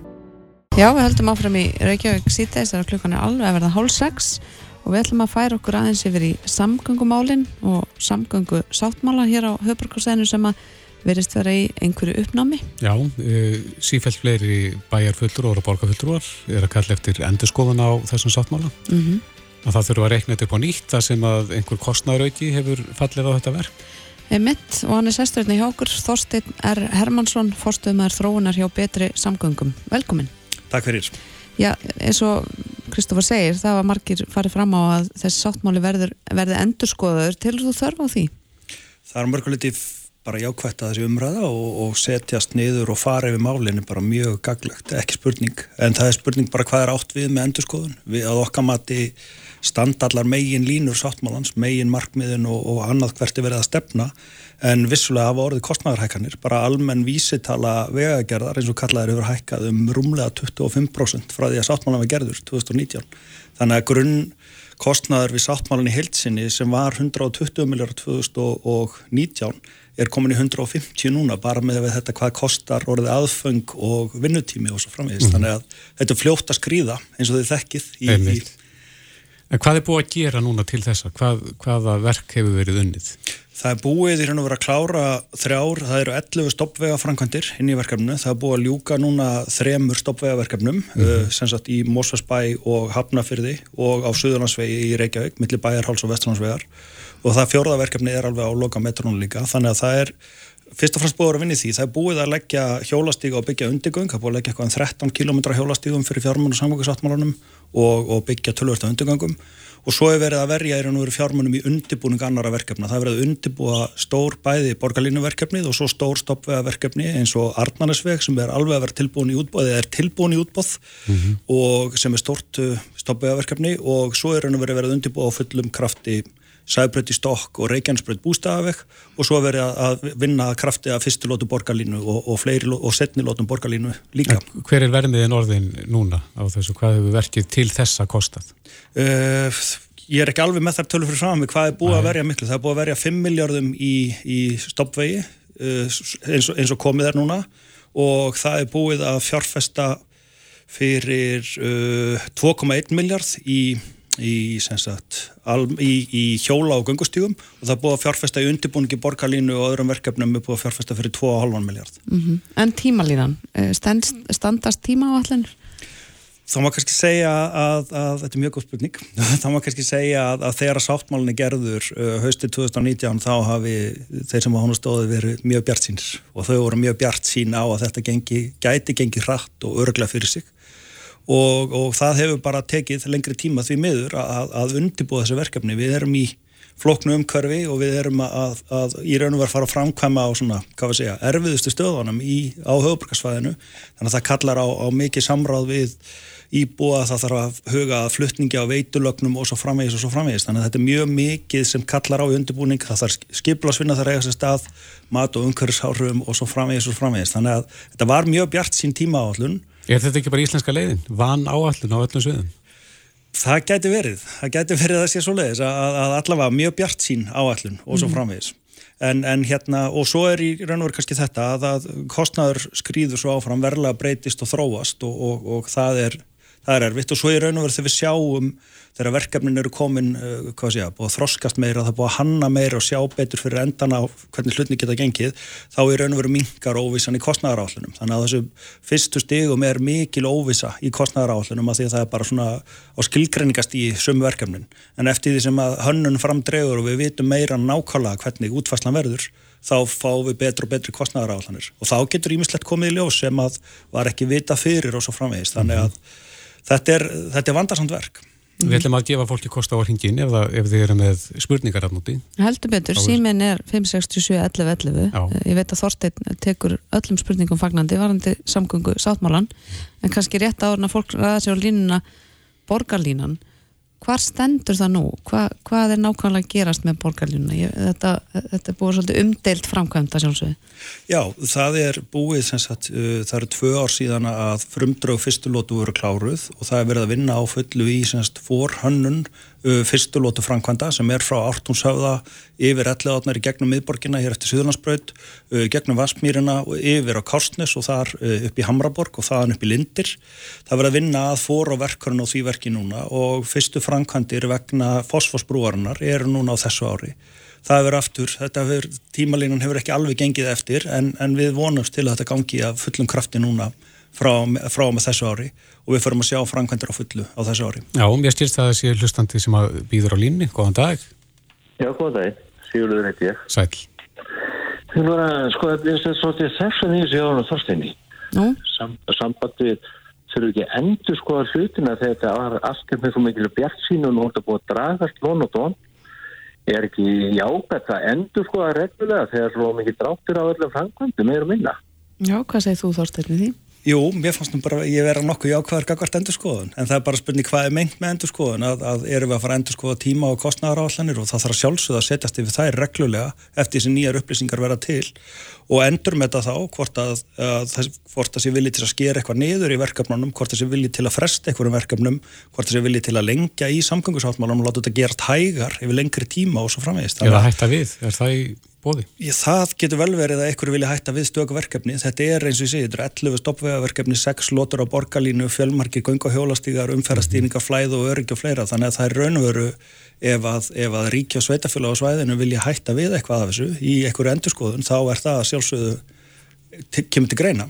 Mm -hmm. Sattu þetta Sigurður? Nei, að í umræðinni borgarstjórn er einmitt um þetta núna og þeir telja sig sem er borgarstjóru og leiri að það þurfi ekki endur skoða það var að vera að ræða þetta og þeirra sögnir að bæði hann og Alessandri að, að, að, að þurfa ekki að ræða þetta. Þess að endur sko, nú er bara ekkit átíð að þurfa að gera það. Þess að finnst fólk í þessum við það. Og svo annað sem ég longar að benda á eins og með uh, uh, línuna mm -hmm. borgarlínuna, að alltaf vera að tala um þetta að halda því áfram. En ég veit ekki betur en, en uh, bæðistöru Gópaðurs og, og fleiri tala um það að það verður ekkert farið það fyrir að búið að nefna hvað og hver á borgar rekstur Já, hvað segir því Þorstir? Jú, þetta, ég hef heyrt þetta líka og, og uh, það er raun og veru við vinnum að verkefnunum meðan okkur er falið að vinna að því og við vitum að það er umræði í gangi við erum í gangi á milli ríkisins og sveitafélagar um rekstur almennisamkvæmlega til framtíðar og hver er raun og veru hvernig kostnæðaskipting verður á milli ríkis, sveitafélag og farþega í, í rekstri almenni samgangla til langra framtíðar. Þannig að, að við býðum bara spennt eftir að sjá niðurstöðunur því. En, en já, það er staðan mm. hvað okkur varðar. Og þá er það bara næsta lína, góðan dag. Góðan dag. Hver er þar? Karel heiti ég. Fyrirgeðu, hvað heitir þú? Karel. Karel. Sæl Það sem ég er að velta fyrir mig, þegar voru að tala um að Arnarnesjögurinn væri að fara í útbóð og mhm. með það sem ég hef séð að teikningum af því þá er ég bara mjög nextlaður á að í staðan fyrir að hafa afreinar og frárein þá er búið til dauðakildra með vinstri begjum og ljósum ég veit að það er búið að mútmæla þessu Já, er þetta eitthvað sem að þú ert uh, vel inn í? Þorstein? Ég er svo sem ágætla inn í þessu þetta er, uh, þetta er nýðustaða úr, úr miklu, mikillir greiningavinnu að fara þessa leið og gera þetta með þessum hætti að, að setja þarna í raun og veru tengja í gegnum ljósastir gatnamót, það sem eru vissulega vinstri begur á ljósum í stað þess að fara í, í þá rampa sem að ykkur tíman höfðu verið á tekniborðinu fyrir, fyrir nokkrum árum síðan. Ekki verið að auka slísahættu eins og hann segir þarna? Það er ekki verið að auka slísahættu ekki, ekki, en þetta er farin svo leið, þetta er ákveðin, getur sagt ákveðin málamiðluna leið að fara þetta því að öðru leiti hefur þurft að fara með rampa í gegnum uh, skíðabrekkunni breyðholti og vetragarðin sem það þarf á að koma og svo framvegis og rampa með lengra út í elli á dalinu og annað, það er mikil vilji til þess að venda bæði elli á dalin og, og þetta svæði þarna kringa. En er þetta að gera eitthvað málamiðlani þegar öryggi fólks er annars öður? Auðvitað er, er þetta alltaf í raun og veru öryggi fólks er, er einn af stóru þáttunum þegar kemur samgöngumálum, umfæra öryggi er það en auðvitað þarf, það þarf stöðut að gera málamilun, við getum alveg sagt að það ætti, ef við ættum að gera ekki neina málamilun þá væri engin bíl á ferðinni. Þá væri það svona ekstrím dæmi að þá væri bara, eða þá að það mætti hverki keira hraðar en 20 km klukkstund, mm -hmm. þannig að auðvitað er stöðut verið að gera málamilunir Já, takk fyrir þetta Karel og við fáum næsta lustanda bilgan, góðan dag Já, góðan dag, Birgir Hítið, hvernig hefur ég með þér? Við erum vel í þér. Mjög vel. Þetta er með spurningu. Þetta er með ellendis. Já, ég spyr bara hvernig í óskopnum stendur þið ekki að búa endur nýja umferðilega stýringunni Reykjavík. Já. Hún er svona stjossan út úr korti alls það. Það er mikið rætt um þetta. Hvað segir þessu Þorstein? E, já, það er raun og veru, þetta var talað um þetta í samgöngusáttmálunum og mikið rætt um endur nýjun umfraljóstýringar. E, það var gerð greining fyrir e, sveitafélagun og ríkið árið 2020, það sem að í raun og veru umfraljósa búnaður og það er þeir ferlar og, og sá rekstur og viðhald sem notaði hér á landi og borið saman um fjórar efraska borgir og það var uh, sænsk verkvæðastof sem gerði þetta og þeir mátu að svo í raun og veru að búnaður hér væri góður og pari við það sem best gerist og það þurfti að sjálfsögða að halda áfram að endur nýja og bæta við en við mættum gera betur í rekstrinum og, og í raun og veru vera duglegri að uppfæra umfærljósa stýringar og svo framvegist. Þannig að ég get ekki tekið undir að, að þetta sé eitthvað staðar í, í fornöld. Þetta er nýlegu búnaður en það þarf stöðut að bæta við og það þarf stöðut að gera betur og, og það er verið að vinna í því að, að, að segja, marka leiðin að því betur áfram Það er þú segir að það þarf ekki að bæta ljósastýringar í borginni? Jú, það þarf að bæta ljósastýringar í borginni en mm -hmm. það, þarf, það, er, það, er, það er alveg augljóst, það þarf alltaf, það þarf stöðugt að vera að bæta umfæraljósastýringar í borginni en mm -hmm. það er mhm. ekki þannig að það þurfa að fara hér út og, og, og rífa niður allan búnað og kaupa nýtt, það er engin töfralöst, svo töfralöst breytir sára litlu fyrir okkur. Mm -hmm. En það myndi vantilega leta eins á umferðinni að endurni að þetta gerfi? Já, það þarf ekki að, það er spurning hvað með endunía, endunía, já, það er verið, það er hægt að fara í raun og verið hverjum einustu gatnamótum og breyta stýriprógramni sem er í gangi þar eftir umferðathunga og í dag er verið að nota uh, mismanandi prógram eftir í hvað umferð er í gangi, það eru skinjar við flest umferðamestu gatnamót sem greina á milli hver, hver áfá grænt næst og hversu lengi á að vera grænt á þennan ströym og svo framvegis. Það er hægt að taka skrefði lengra yfir í, í sjálfvirkari umferðstýringu sem er bara rauntímastýrð alveg af stýritölvu og það hefur alveg verið rætt og til skoðunar en það er hins vegar, það er ekki margi sem hafa tekið þau skref ennþá. Og við þurfum í vera að bæta kannski í grunninn fjölka skinnjurum og fleira áðurum við getum farið í meiri sjálfvirkniveðingu en það er alveg viljið til þess og aftur. Það er stöðut að bæta og það ætti á mínum að endur skoða umfæraljósastýringar okkur með einstu gatnamótum og svona fjórar og fresti að lámarki mm -hmm. að við getum alltaf, það er alltaf eitthvað sem breytist í umfæraljónu og svo framvegis. Og getum alltaf gert eitthvað örlíti betur, það munar samt ekki miklu, það er ekki í 20 prósanda sem breytingin verður. En hún er kannski í einhverjum prósentu stegum sem fólk finnur mun og sér mun. Já, einnig við bótt við erum að falla á tíma, góðan dag. Já, góðan dag, já, hún heiti ég. Sæl. Ég er hérna á bekkonum mhm. -huh. og ég ætla að natu hvernig er þið klárað að laga umfröðljósin hérna nýra á uh, gatnamótum. Því að eh, eftir að þessu var breytt það, það okkur vant að degiljósis sem að, að mó svona til að hafa upp í bakkana. Já, kemur þetta ná fyrir ekki, kemur þetta ná betur samgangur eða? Nei, það held ég ekki. Heyrir ekki undir þig? Nei, ég hugsa að þetta heyrir beint undir bara Reykjavíkuborg Já, Já þínir þá farið ekki svör við þessu hér og nú. Ok, takk Það er að þættir Hvað segiru einnig viðbútið eða eru við fallin á tíma? Já, bara ég segi nei. Eða hvað? Æ, hann segir nei. Þannig að þínir eru við fallin á tíma. Við erum bara að fá lengri tíma með þið næst. Já, bara velkomið.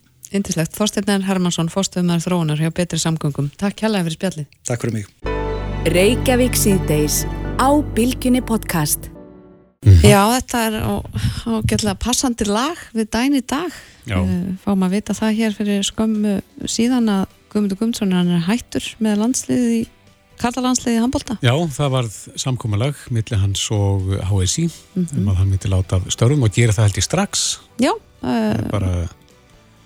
Þetta tekur gildi bara um sjölaust og mm -hmm. það eru tvær vikur í næsta landsleik gegn tjekkum Þá lítur leit að uh, aftaka hans að vera hafinn Já, maður gerir svona fastlega ráð fyrir því að fá einhverju upplýsingar um hugsanlega nartaka bara kannski strax á morgun. Já, það kom fyrir í þessum þætti til okkar Haldur Benjamin Þorbergsson, frangotastjóri samtaka aðtunlífsins og við rættum að þetta verkbann sem að fyrirhugað er eða það er verið að greiða aðkvæðan það núna mm -hmm.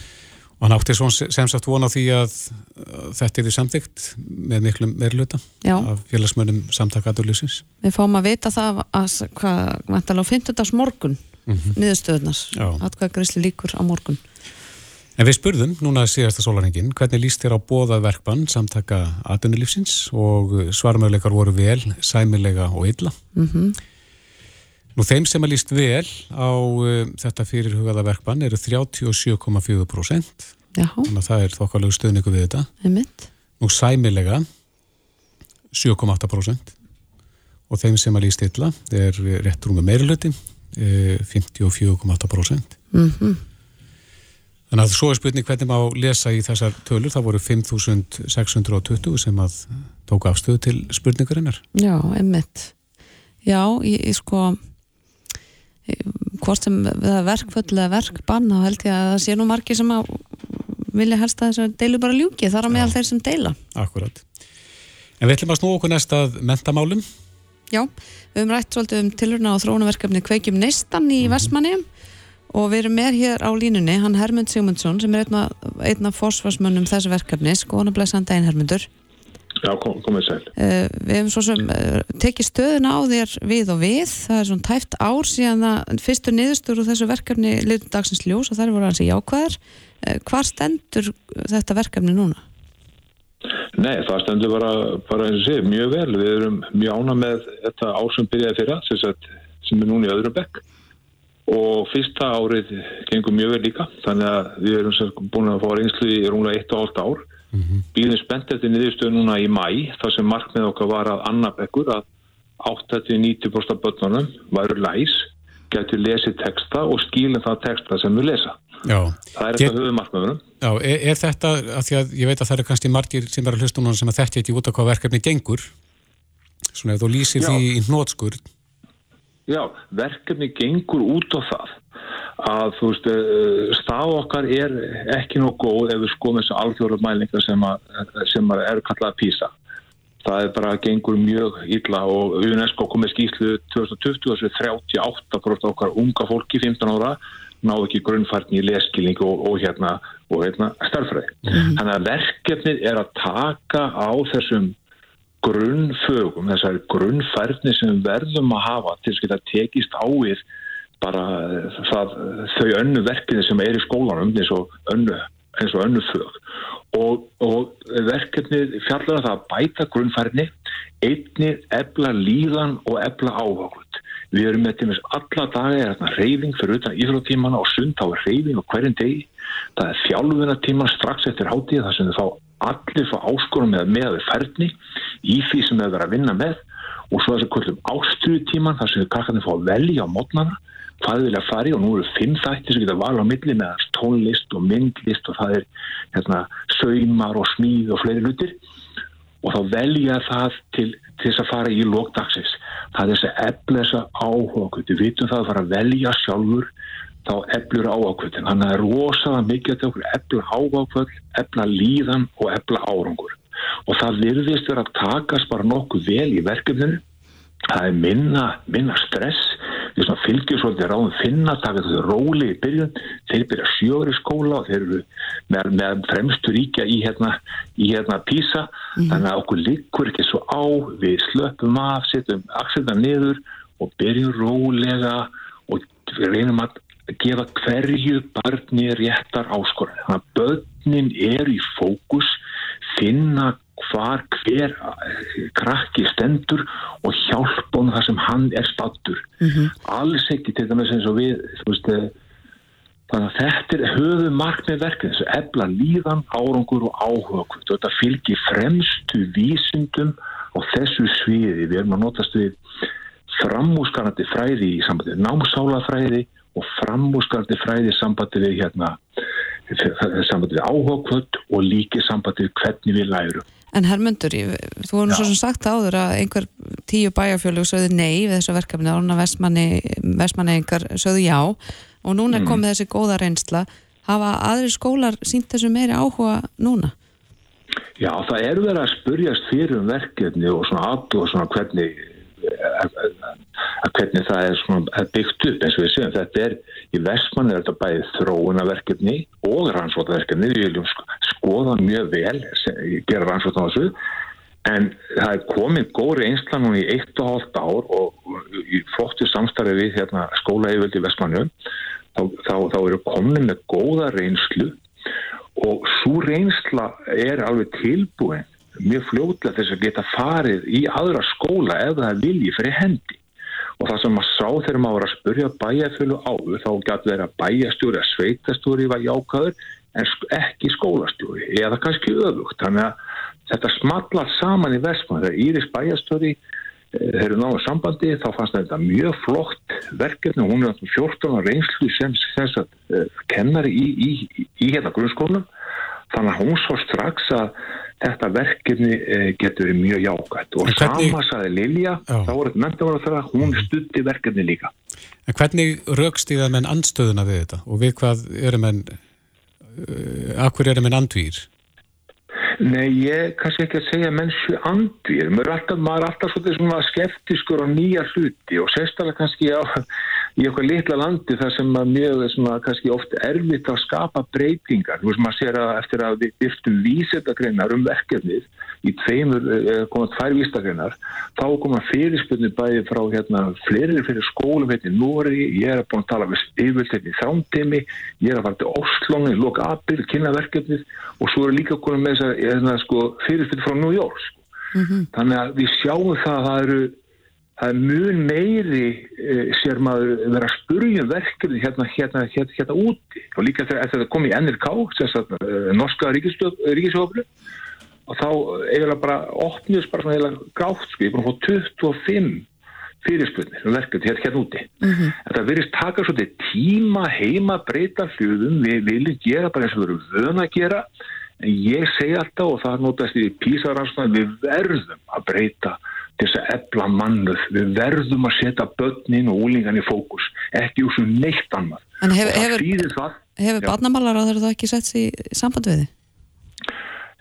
Ekki, ekki undanfarið, ég talaði við hann fyrir árið síðan og svo hitti hann í Vestmannu þegar við vorum með, hérna, svona dag þar sem það var að fara í gegnum fyrsta, fyrsta ári kveikið næsta en ég hef ekki terti hann síðan. En ég átti góða fund með honum fyrir árið síðan, það var 7. mars fyrir árið síðan. Þannig að ég, ég bara býði til samtæri frá honum. Já, nú er komið hann- hann fyrirspurn. Já, það er komið fyrirspurn á þingi þar sem hann er mitt spurður út í þetta verkefni, við skulum sjá hvernig því framvindur. Já, einmitt. En Hermundur er Sigmundsson, einn af fársvarsmennu verkefnisins Kveikjum neistan, gangið þér vel með þetta verkefni. Kæra þakki fyrir spjallu og bestu kveðu til Noregs. Hlustaðu hvena sem er á Reykjavík C-Days podcast. Reykjavík síðdeis, við erum svolítið í stipulagsmálunum í dag. Já, enda ekki vanþörf á, það er náttúrulega mikil uppbygging, sérstaklega hérna í kringum höfborgarsvæðið og, og fólk ofta að ferðast langar leiðir í, til og frá vinnu og, og svo leiðis. Mm Við rákumst á uh, merkilega reytjörð, loka reytjörð í eða meistaraverkefni í stipulagsfræði, það sem er verið að tala um 20 mínúna hverfi. Mm Ég hafði nokkið mikið hirt um þetta áður. Með þarna, þarna verða að skoða samt þinn heima bæ. Já, Selfoss, Já. einmitt. En það er uh, Anni Steinbrenner sem að skrifaði þessa reytjörð, þetta var loka reytjörðin hennar og Anni er komin til okkar, velkomin. Já, góðan daginn. Þetta er svolítið áhugavert, sko, 20 mínútna bær, Hva- hvaðan kemur svo svona hugmynd í skiplagsfræðinni? Já, þetta er sem sagt tillaga í landskiplagstefnu og það gengur út frá því að þú getur gengið allt innan 10 mínútur í- að líka fjónustu og 10 mínútur tilbaka. Þannig að það verða Mm. 20 mínútur í heilt og Já. það á að auðvelda lífið og helst að virka, þess að virka feðamáta og fólk er hvað til að ganga og hjóla. Þannig að Mhm. þú, þú getur allt gengið þetta eða hjóla þetta innan þessa 10 mínútur. og um, já, það hefur mörg enginni líka þessi hugmynd um, og kemur upphaflega frá meðbjörn og sínu góðum árangur þar. Og hérna það er líka um uh, ákveðin þjertleiki vegna þess að þessi fjónustaf það var að hafa svona bara grunn til að geta lifa af líka og það snýst um að geta nálgast opinsvæði á mjög stöldum tíma og að eiga fjölbreytt húsnæði og geta náttúrulega gengið á gönguleiðum mm -hmm. til að geta nálgast og það er mikið örgi líka og, og helst líka atvinnustadir eru nálegt heimilinu.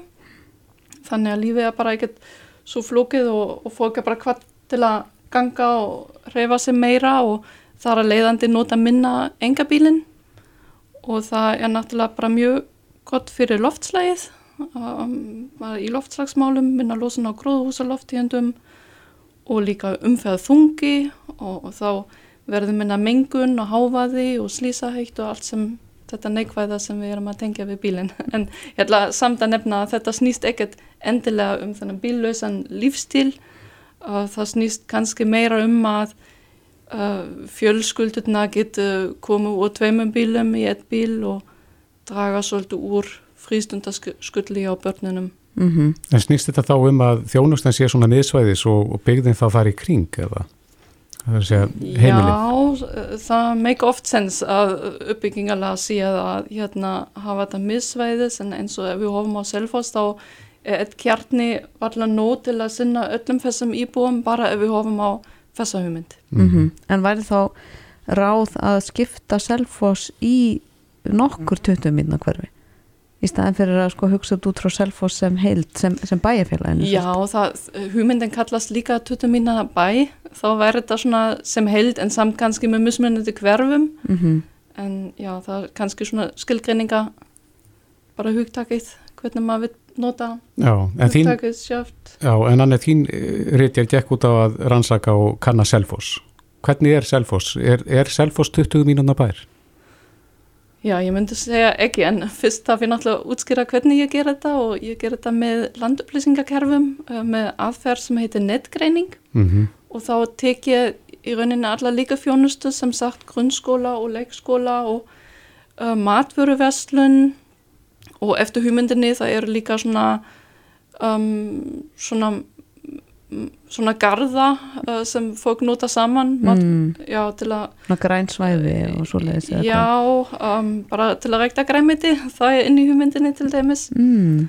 og dagtvöl fyrir eldri bókara og helbriðsfjónustum mm. og ég tek allas að staðir og seti inn á eitt kort og síðan um, þá nota ég göngulegðir til að greina hvað fólk kemst langt frá sína heimili mm. og það veit ég uh, hvað maka íbúa hafa aðgang af, af fjöldi ákveðin fjöldi fjónustu staða og þá gæti ég sé að Selfoss er einlega svolítið langt frá því að vera 20 minútna bæ vegna þess að allast að fjónustu staðir eru flest við Östuveg mm. sem mhm. er náttúrulega ringvegurinn sem er að fara hann í gegn og það sem við upplifum í rauninni þegar við gerum í gegnum Selfoss en uppbyggingin er frekka sunnan megin mm. og þá er það svolítið langt fyrir þessa íbúa mm -hmm. að geta gengið, þeir eru svolítið háðbílnum sem sagt. Já, einmitt er það, er það mistök svona skiplarslega séð að, að, að sapna svona mikillir þjónustu á svona fjölfarinni götu eða sérst, nú, í þessu dæmi ringvegurinn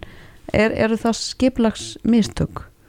Nei, þetta er bara söguleg fróðmundi ég frekka að segja mm -hmm. og en áhættan er svolítið líku í því að þegar ringvegurinn verður ferðu, færðu út af bænum norður og, og að hérna fjónustan fylgir þessum ringvegi því að þetta er náttúrulega mjög aðlandi fyrir hérna vestluna eiga og, og fleiri að vera þarna sem allir að kera í gegn. Og það er svolítið gett ráð fyrir að uppbyggingu vestlunasvæða og maður þarf að passa að hérna Fjónustan fyrir ekki allt úr bænum og stöðla freka betri dreifingu eins og hægt er. Mm -hmm.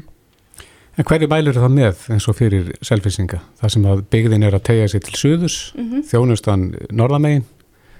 Hva, hvað eiga selfisingar að gera til þess að laga þetta? Já, það kom út nýtt aðskipulag sem er nýbúin að samþykast og var samþykt í desember mm -hmm.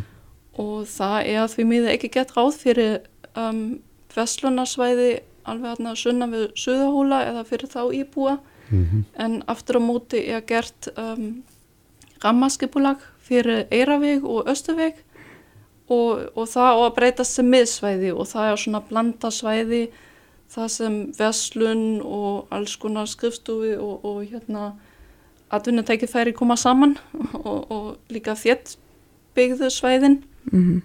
og það er að mínum að þetta er bara mjög gott að hafa þetta á þessum stað en það vandar svolítið fyrir þá sem þekkja Sæfoss að hafa eitthvað meira það sem hestúsakverfi er Mhm. þetta hestúsasvæði Já, austan megin í Aust- bænum. Já, mhm. Já. En svona almennt bara með þessa hugmynd 20 mínúna hverfið eða 20 mínúna bæir er verið að fara eftir þessari hugmyndafræði þú mynd- myndist á Melbourne í Mhm. Ástralíu eh, það hefur tekist vel þar að búa til svona hverfi eða hvað? Já, þá um, eru íbúa bara um, nota freka virk- virka feðamáta.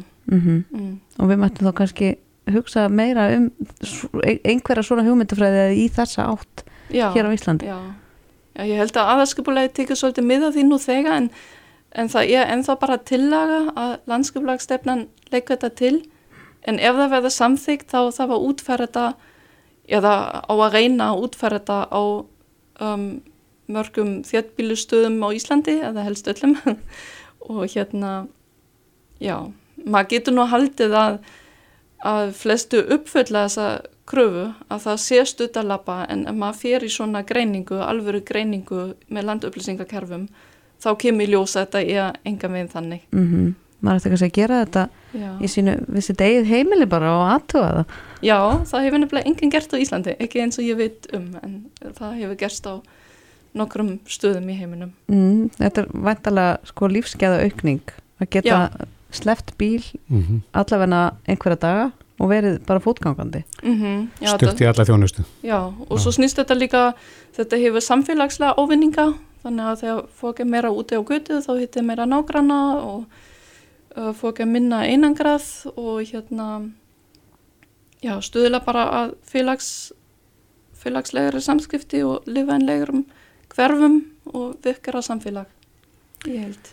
Hljómar vel. Mjög vel. Já, og vonandi verður tekið mið af þessu í framtíðinni í, í ríkari mæli. En eh, Anne Steinbrenner, stýpulagsfræðingur, kæra þakki fyrir komuna. Já, takk fyrir mig.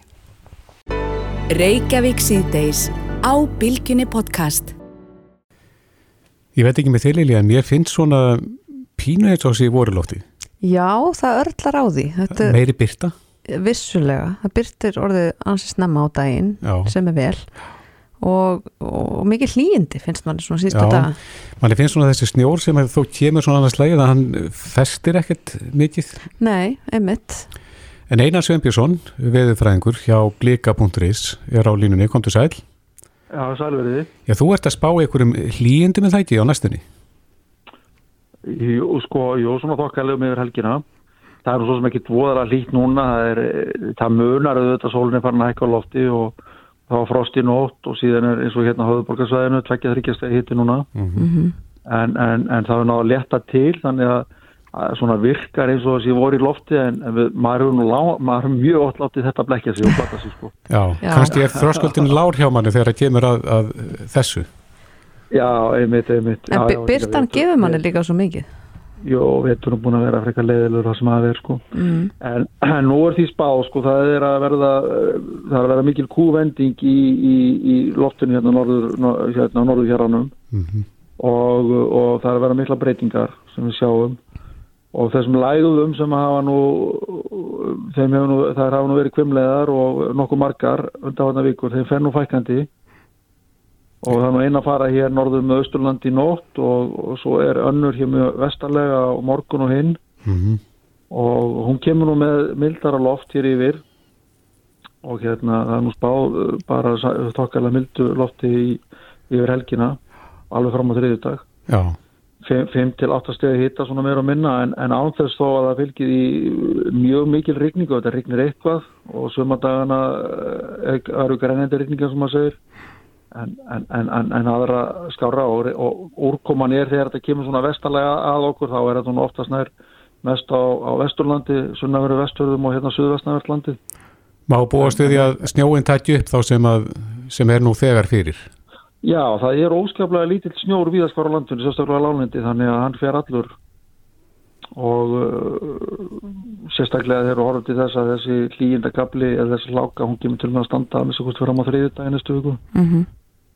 Og svona til að byrja með er þetta kannski ekki beinlínis uh, á fjallvegu, það kemur nú til með að snjóa á fjallvegum annað kvöld og aðra nótt staðfórum á 50 dagsins Mhm. sérstaklega fyrir norðan en, en uh, það er bara það mikill skriðtungi á þessu hlýja loftúrsöðri að það næri yfir höndinni nokkuð, nokkuð ábyggilega En má þá ekki búast við því að okkur verði kift svo niður á jörðina? Að við fáum ekki vera ofbjart sín? Þú talaði svo gömul kona þetta hérna.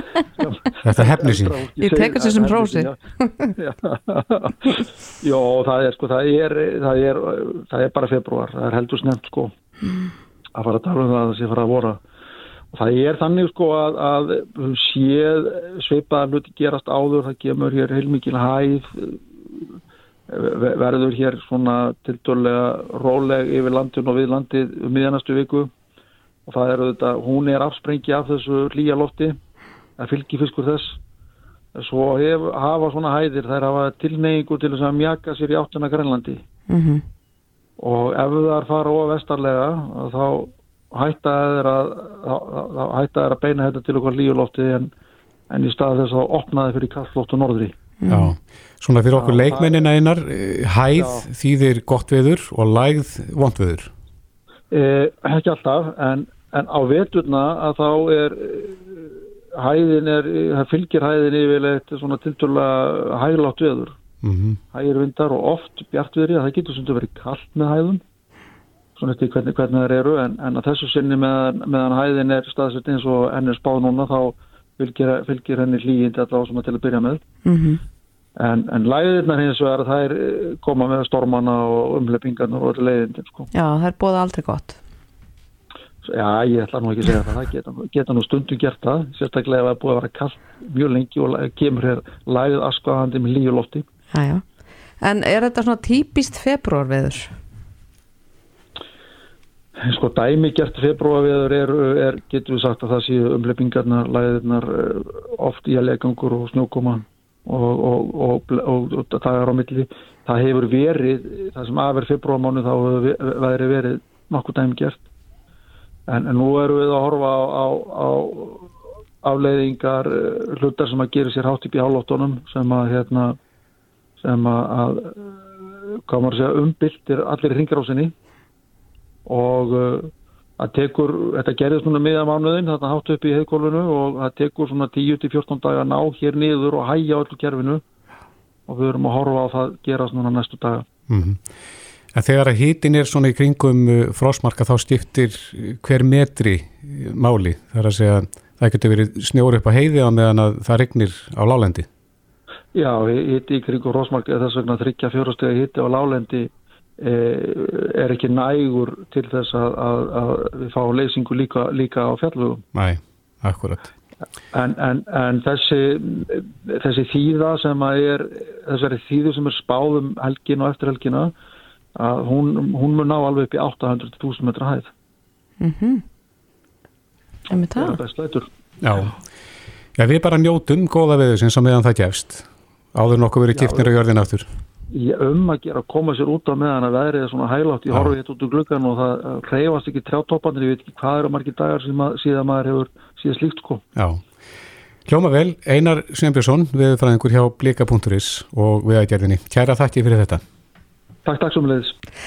Já, við höldum í bjartinn á, á meðan það er í bóði, er það ekki? Líðum í núinu bara, Ekki spurning. Já, við fögnum náttúrulega góðu veðri. að sjálfsögðu. En uh, nú erum við að koma í markir Reykjavík síðdeis, við þurfum að hleypa kvöldfrittunum að. Já, höfum komið svo sannarlega all viða við í dag. Heldur betur og öll viðtölun eru aðgengilega á vísi.is, bylgja.is og í bylgju appinu. Já, en Lilja Bræði og Kristófer þakka fyrir sig. Hér aftur á